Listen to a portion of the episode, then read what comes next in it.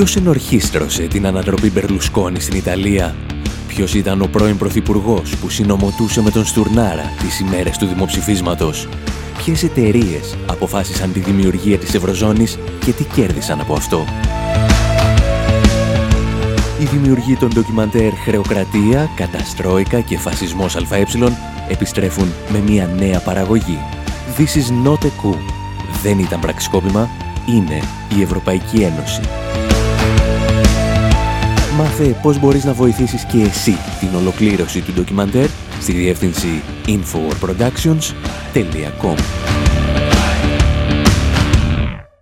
Η διεύθυνση infopavlawar.gr Η εκπομπή Infowar με τον Άρη Χατζηστεφάνου.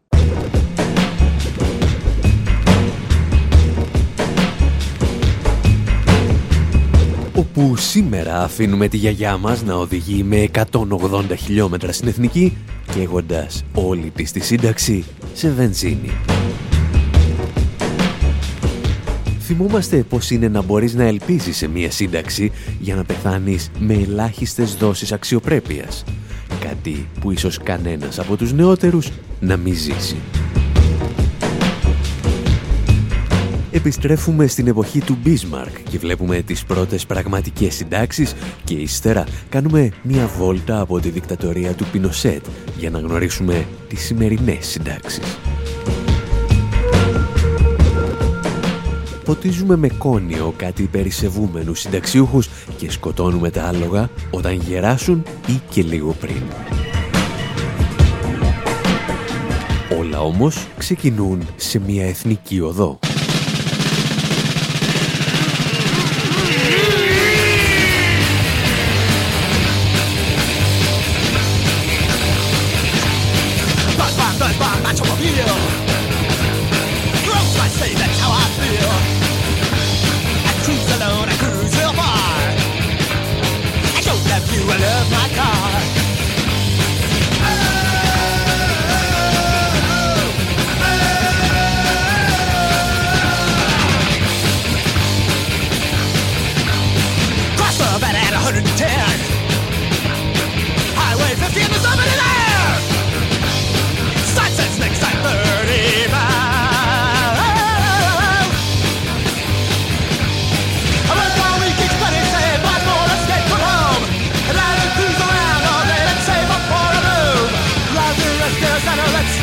curse a lonely salesman wagging a diamonds around. But one, good one, tip of loud. Through this good love, I went chill. Faster, faster, in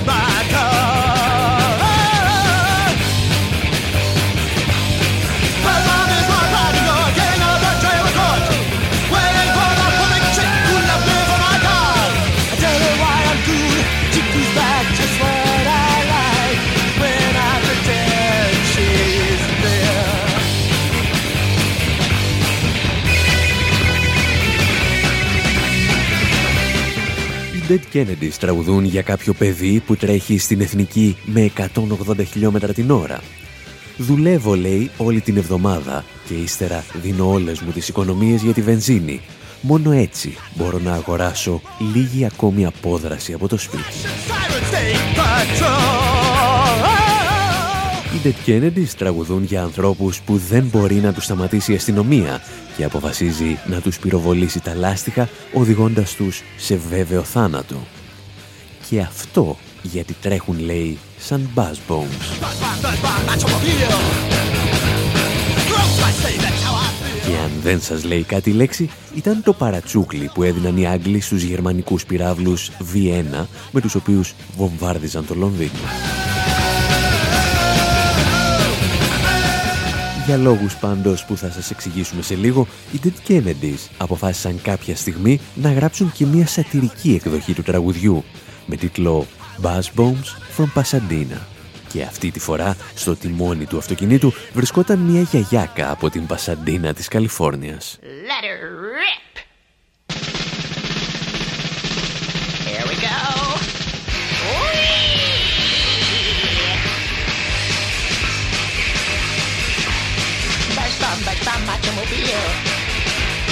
Load my slave, that's how I feel. Cruise alone, I cruise so far. Shoo, young punk, I love my car. Oh!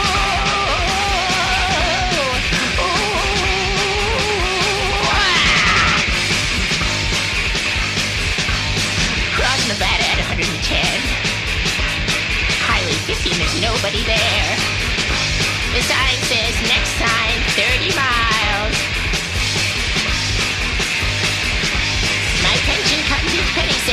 I'd escape from home. I'd rather crouch around all day than move into a home. Plow through restaurants,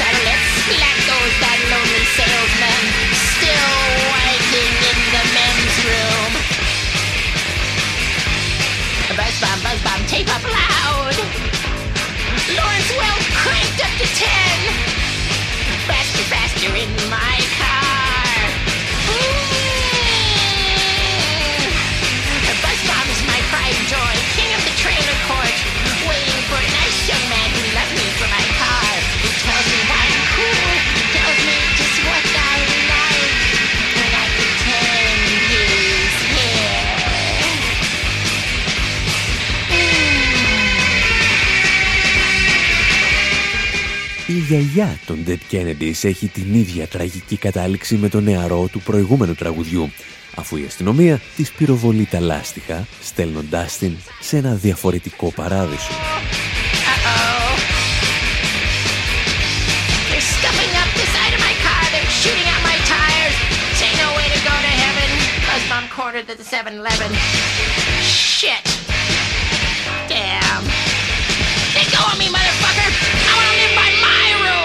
Η βασική διαφορά μεταξύ της γιαγιάς και του νεαρού είναι ότι ο πρώτος αγοράζει λίγη απόδραση δίνοντας όλο το μισθό του, ενώ η δεύτερη δίνει όλη της τη σύνταξη. Γιατί το τραγούδι είναι γραμμένο σε μια εποχή που οι γιαγιάδες ήταν βέβαιο ότι θα έπαιρναν σύνταξη.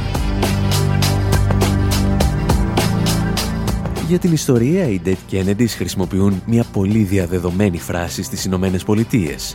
The little old lady from Pasadena. Η μικρή γιαγιά από την Πασαντίνα.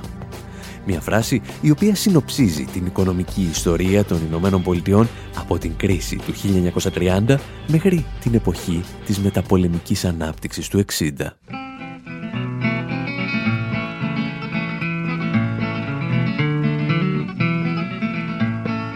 Back in 1927, I had a little farm and I called that heaven. Well, the price is up and the rain come down and I hauled my crops all into town. I got the money, bought clothes and groceries, fed the kids and raised the family.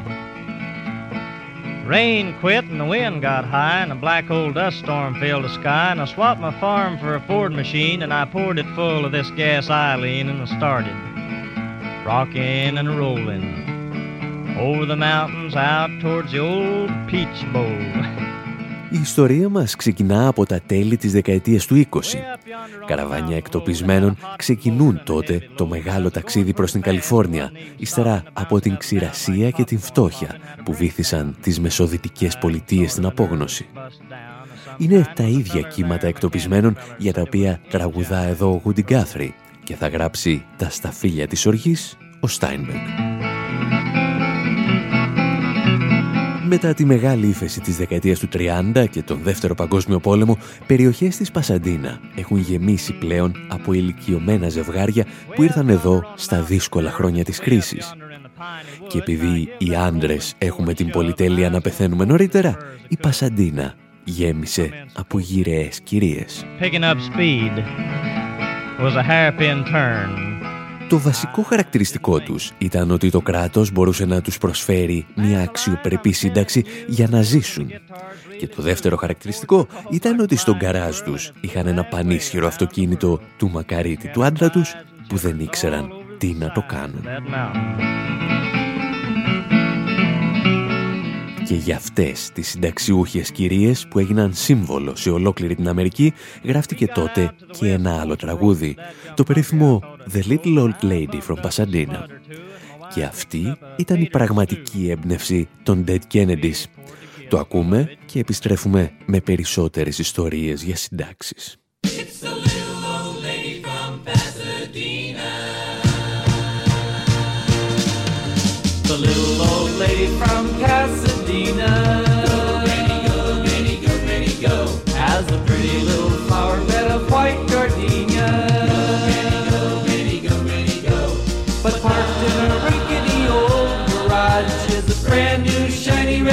Εκπομπή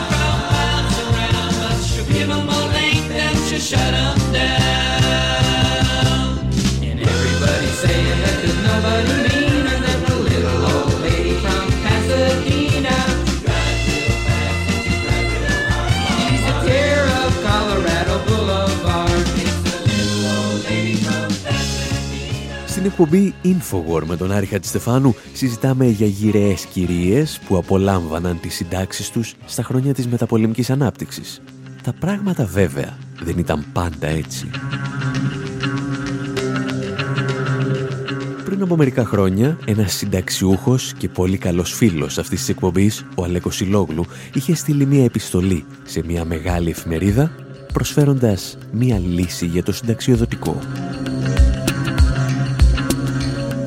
Εφαρμόστε έλεγε το έθιμο της ελληνικής αρχαιότητας, το κίον νόμιμον, το οποίο επικρατούσε στην αρχαία Καίο, τη σημερινή Τζιά. Επρόκειτο, έγραφε ο Αλέκος Σιλόγλου, για μια μορφή ευθανασίας των γερόντων, οι οποίοι αυτοκτονούσαν πίνοντας κόνιο, όταν δεν μπορούσαν πλέον να εργαστούν.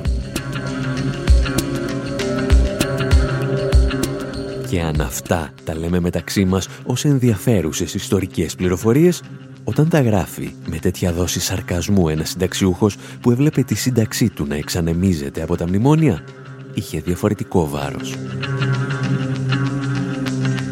Το παράδειγμα το οποίο χρησιμοποιούσε ο Αλέκος Σιλόγλου είναι το ίδιο με το οποίο ξεκινούσε και ο συγγραφέας Βασίλης Μινακάκης το βιβλίο του «Κοινωνική ασφάλιση» από το κράτος πρόνοιας στην ελαστασφάλεια. Και από αυτό το βιβλίο θα κλέψουμε μερικά στοιχεία για να σας διηγηθούμε μια συναρπαστική ιστορία για το παρελθόν, το παρόν και το μέλλον του ασφαλιστικού συστήματος. Μια ιστορία που θα μπορούσε να ξεκινά κάπως έτσι.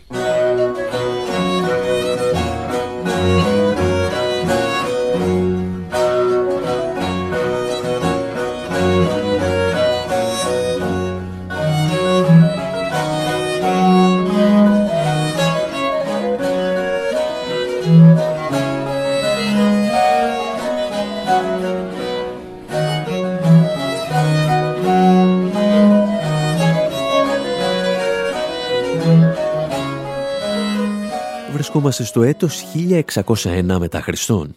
Η βασίλισσα της Αγγλίας και της Ιρλανδίας Ελισάβετ η πρώτη έχει ακόμη δύο χρονάκια ζωής. Αλλά φυσικά η ίδια δεν το γνωρίζει.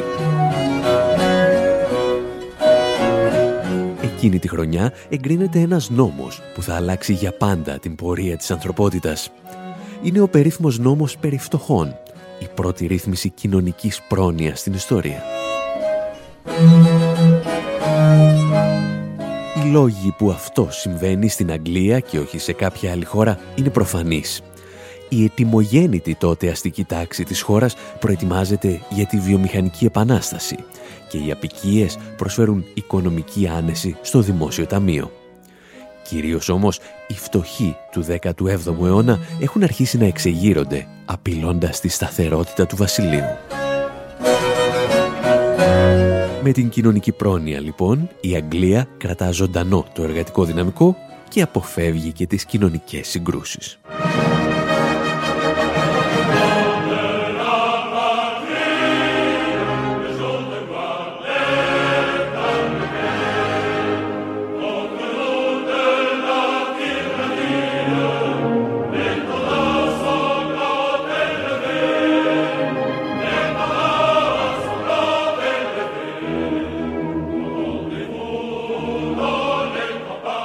Η ανθρωπότητα θα πρέπει να περιμένει πάντως μέχρι τη Γαλλική Επανάσταση, ώστε η κοινωνική πρόνοια να θεωρηθεί δικαίωμα του πολίτη και υποχρέωση του κράτους. Ο τόσο παρεξηγημένος Ροβεσπιέρος σημείωνε τότε ότι η κοινωνία είναι υποχρεωμένη να διασφαλίζει τη διαβίωση όλων των μελών της. Και αυτό μπορεί να το κάνει προσφέροντας εργασία σε όσους μπορούν να εργαστούν και τα μέσα επιβίωσης σε όσους δεν μπορούν.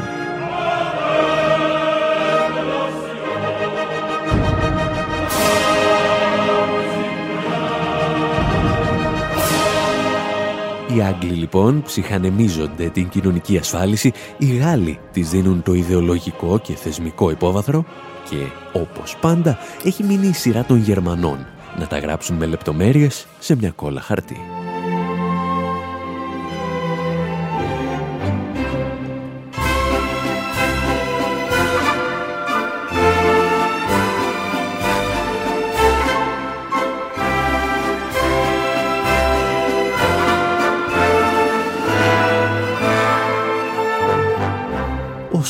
Στράους γράφει το λεγόμενο αυτοκρατορικό βάλς για τη γερμανική αυτοκρατορία που έχει δημιουργήσει λίγα χρόνια νωρίτερα ο Ότο Βον Μπίσμαρκ. Έχουμε φτάσει πλέον στο 1880. Η βιομηχανική επανάσταση έχει ήδη αρχίσει να καταστρέφει τους παραδοσιακούς κοινωνικούς θεσμούς της αλληλοβοήθειας και πρέπει η ίδια να τους αντικαταστήσει με κάτι άλλο. Πιο απλά και ελαφρώς απλουστευτικά, εάν κάποιος σε παίρνει από την οικογένειά σου και το χωριό σου για να σε κάνει εργάτη στη φάμπρικα, πρέπει να βρει έναν τρόπο να σε κρατάει ζωντανό για να δουλεύεις περισσότερο. Και όλα αυτά σε συνδυασμό με το γεγονός ότι οι συγκεκριμένοι εργάτες γίνονται όλο και πιο μαχητικοί, διεκδικώντας τα στοιχειώδη δικαιώματά τους. Πρέπει λοιπόν να γεννηθεί επισήμως το κράτος πρόνοιας και ο κύριος που θα υπογράψει τη ληξιαρχική πράξη γεννήσεως είναι ο Γερμανός καγκελάριος Μπίσμαρκ.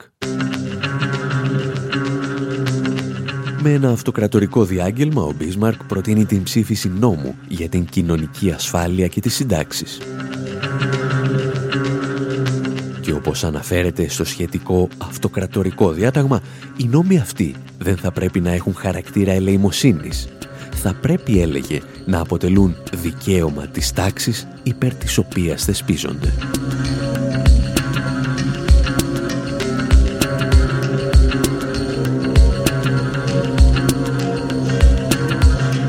Εμείς πάλι που έχουμε μπερδέψει τις τάξεις με τις τάσεις και τα δικαιώματα με τις υποχρεώσεις, παραμένουμε εδώ. Θα συνεχίσουμε να μιλάμε και να τραγουδάμε για συντάξεις και μη συντάξεις και στο δεύτερο μέρος της εκπομπής. Και αν όλα αυτά σας προκαλούν έστω και το ελάχιστο ενδιαφέρον, μπορείτε πάντα να μας ακολουθείτε στο Twitter και στο Facebook ή να γραφτείτε στο εβδομαδιαίο newsletter της εκπομπής. Το πώς θα το κάνετε θα το βρείτε στη διεύθυνση info.pavlawar.gr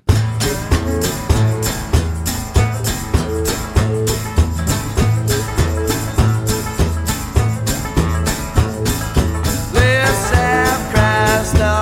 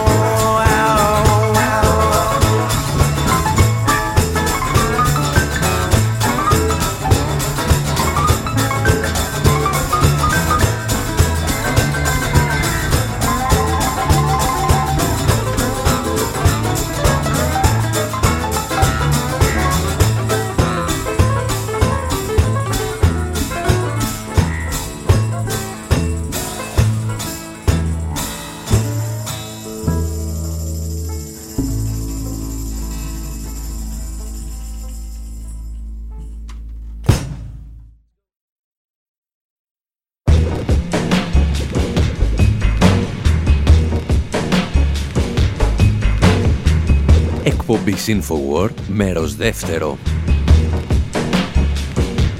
Όπου συνεχίζουμε να αφηγούμαστε μουσικές ιστορίες για την εποχή των συντάξεων. Ξεκινήσαμε χρονικά από την αρχαία Τζιά, όπου οι ηλικιωμένοι έπρεπε να πίνουν το κόνιο για να μην επιβαρύνουν τον κρατικό προϋπολογισμό. Πέρασαμε από την Αγγλία του 17ου αιώνα στη Γαλλία του 18ου και τη Γερμανία του 19ου και έχει έρθει η σειρά να πλησιάσουμε τη Χιλή του 20ου αιώνα ή την Ελλάδα του 21ου. Το ρεπορτάζ προς το παρόν πάντως έχει ο C6 Steve, ο Steve ο ναυτίας.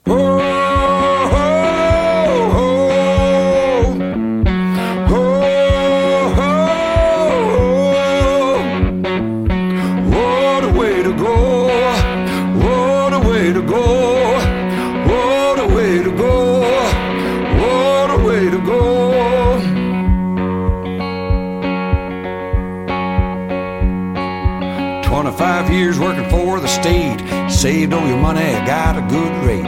Always thinking about that pension plan, the day of retirement, the promised land. Well,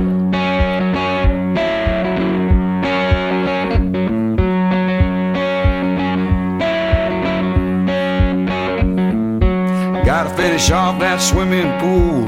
Get some umbrellas, gonna be cool. Remember to take them fishing trips. You never had time for this is it. Oh.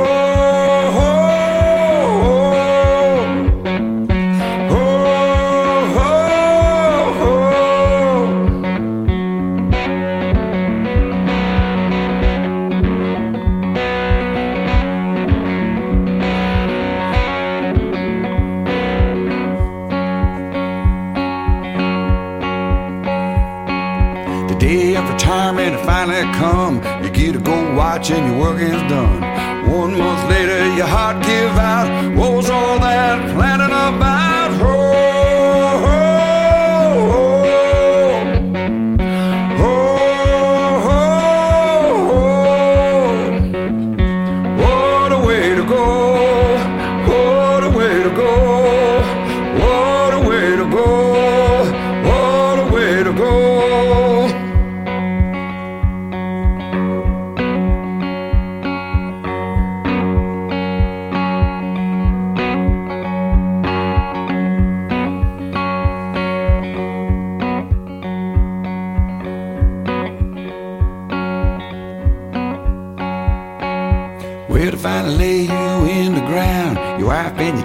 Your children standing around. Now they got that pension plan, ready to have you, don't you know it, man? Oh, oh, oh,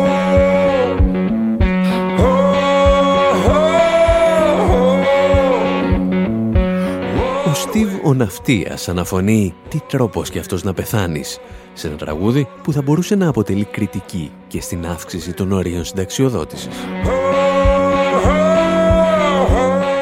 Ο Σίσικ Στίβ μιλάει για έναν υπάλληλο του Αμερικανικού Δημοσίου που περιμένει όλη του τη ζωή, τη σύνταξη και τελικά πεθαίνει ένα μόλις μήνα αφού την παίρνει στα χέρια του. What a way to go. What a way to go. Γεγονός που εντάσσεται πλέον στα αισιόδοξα σενάρια, καθώς με το πέρασμα του χρόνου γίνεται όλο και πιο πιθανό να μην πάρεις τη σύνταξη και να μην λες και να πεθάνεις. Five years working for the state, saved all your money, got a good Έχουμε αφήσει όμως την ιστορία μας στην χρυσή εποχή των συντάξεων της μεταπολεμικής περίοδου, τουλάχιστον για τις αναπτυγμένες χώρες της Δύσης. Μια ιστορία που κάποιοι θα δοκιμάσουν να τερματίσουν σε πειραματικό επίπεδο με ένα πολιτικό και οικονομικό πραξικόπημα. Por la posibilidad de interferencia la voy a transmitir en inglés. Έχουμε επιστρέψει στην 11η Σεπτεμβρίου του 1973. Οι δυνάμεις του Πινοσέτ ανακοινώνουν το τέλος του Προέδρου Αλιέντε, ο οποίος ύστερα από πολύ ωραίες διαπραγματεύσεις με το θάνατο, αποφάσισε να μην παραδοθεί. Έμεινε μέχρι την τελευταία στιγμή με ένα αυτόματο όπλο στο χέρι να πολεμά για τη δημοκρατία.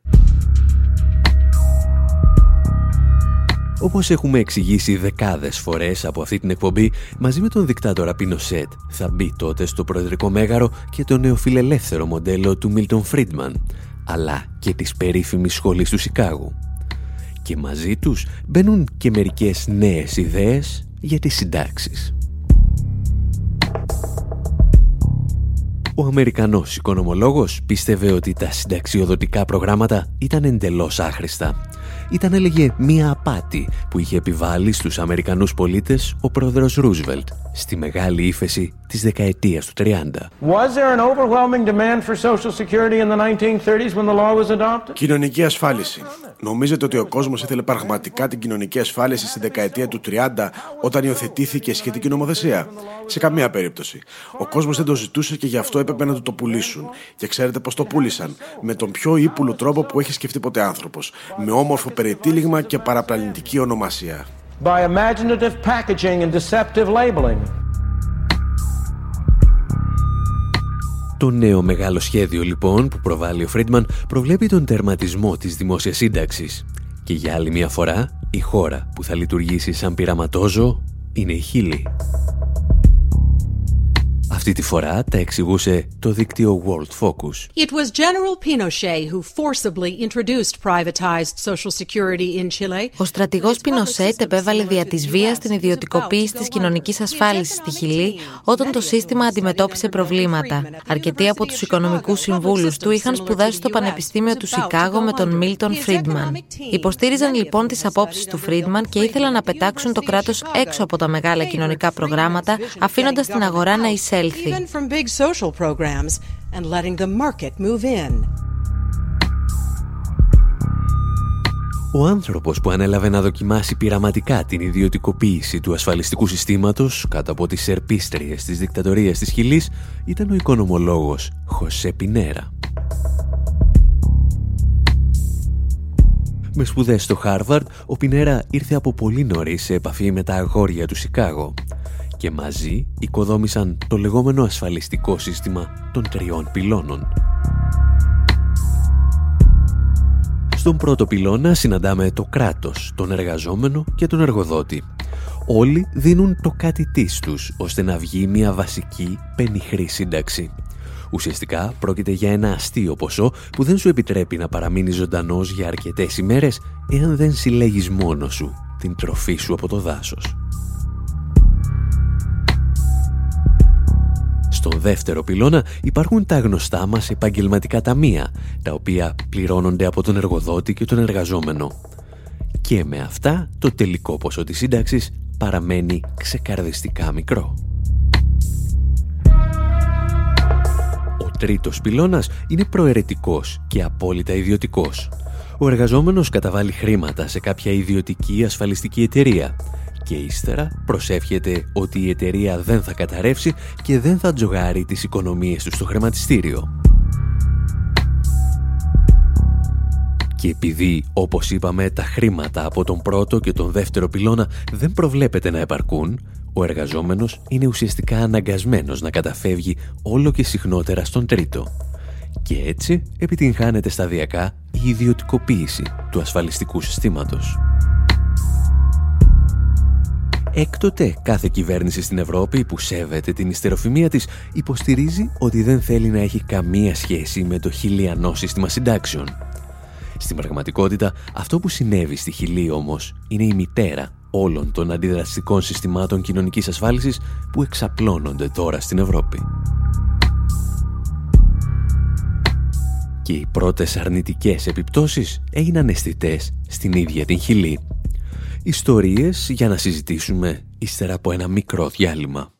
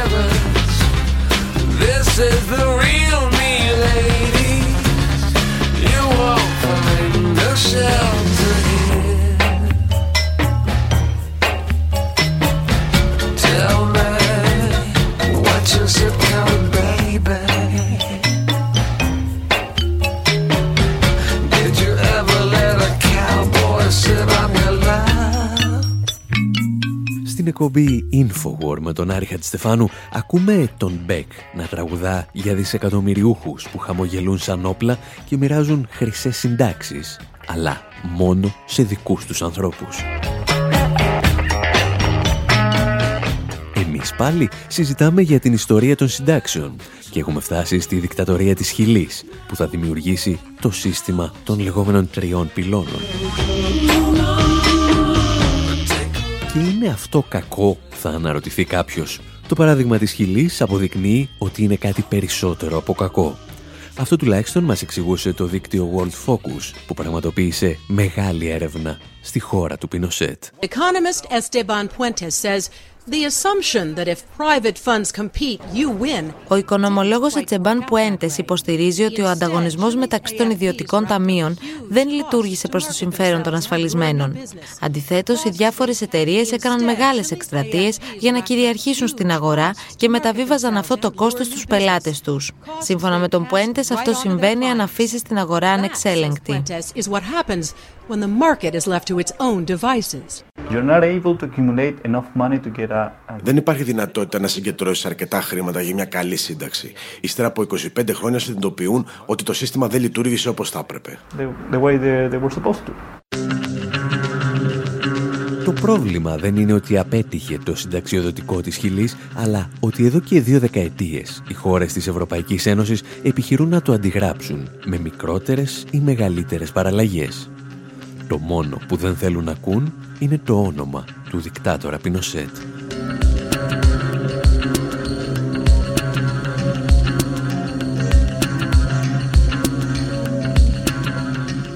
Κοινός παρανομαστής όλων των προσπαθειών για την εισαγωγή του χιλιανού μοντέλου είναι ο μύθος ότι οι εργαζόμενοι ζουν πλέον πολύ, οπότε τα δημόσια ταμεία θα καταρρεύσουν εάν πρέπει να τους συντηρούν.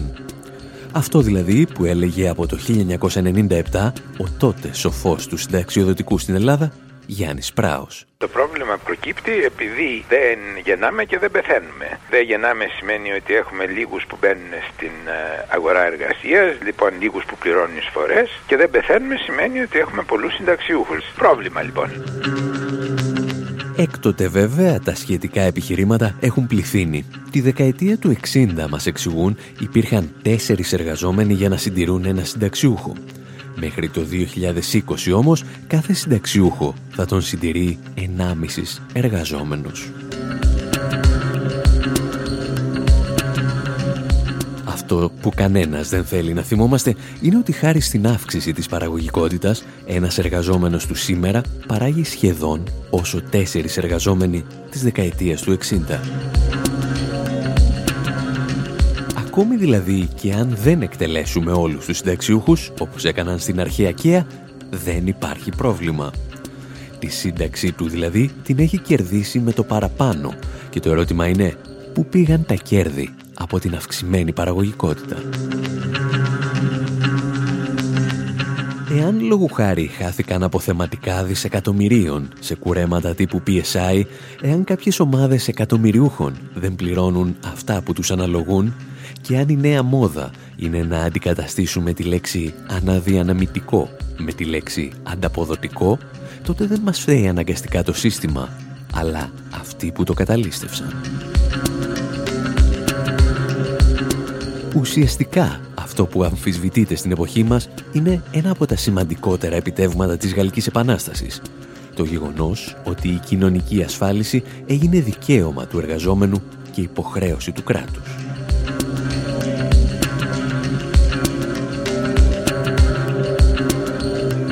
Κάπου εκεί όμως, όταν η κοινωνική ασφάλιση πάβει να είναι δικαίωμα, Όταν πάβει να είναι εργαλείο που περιορίζει έστω και κατελάχιστο την καταλήστευση της υπεραξίας, τότε όλα αρχίζουν να θυμίζουν μια παλιά ταινία του Σίδνεϊ Πόλακ, εκείνη με τον τίτλο «Σκοτώνουν τα άλογα όταν γεράσουν».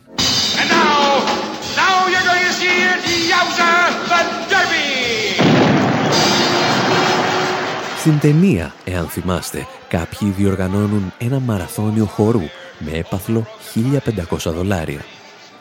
Οι συμμετέχοντες εξευτελίζονται πλήρως τρέχοντας σαν ζώα στην αρένα και όταν τελειώνουν το κοπιώδες έργο τους, οι διοργανωτές δεν θέλουν πλέον να τους προσφέρουν το έπαθλο.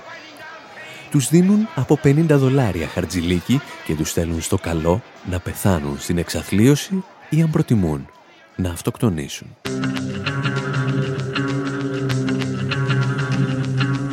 Εμείς όμως κάπου εδώ θα σκοτώσουμε και αυτή την εκπομπή.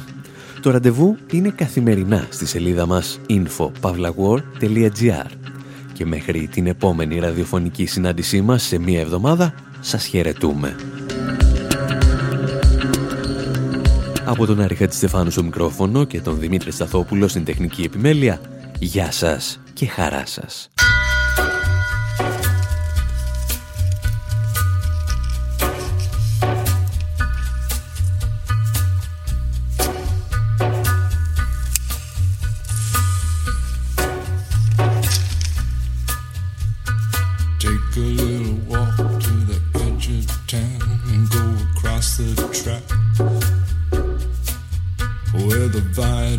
Looms like a bird of doom as it ships and cracks.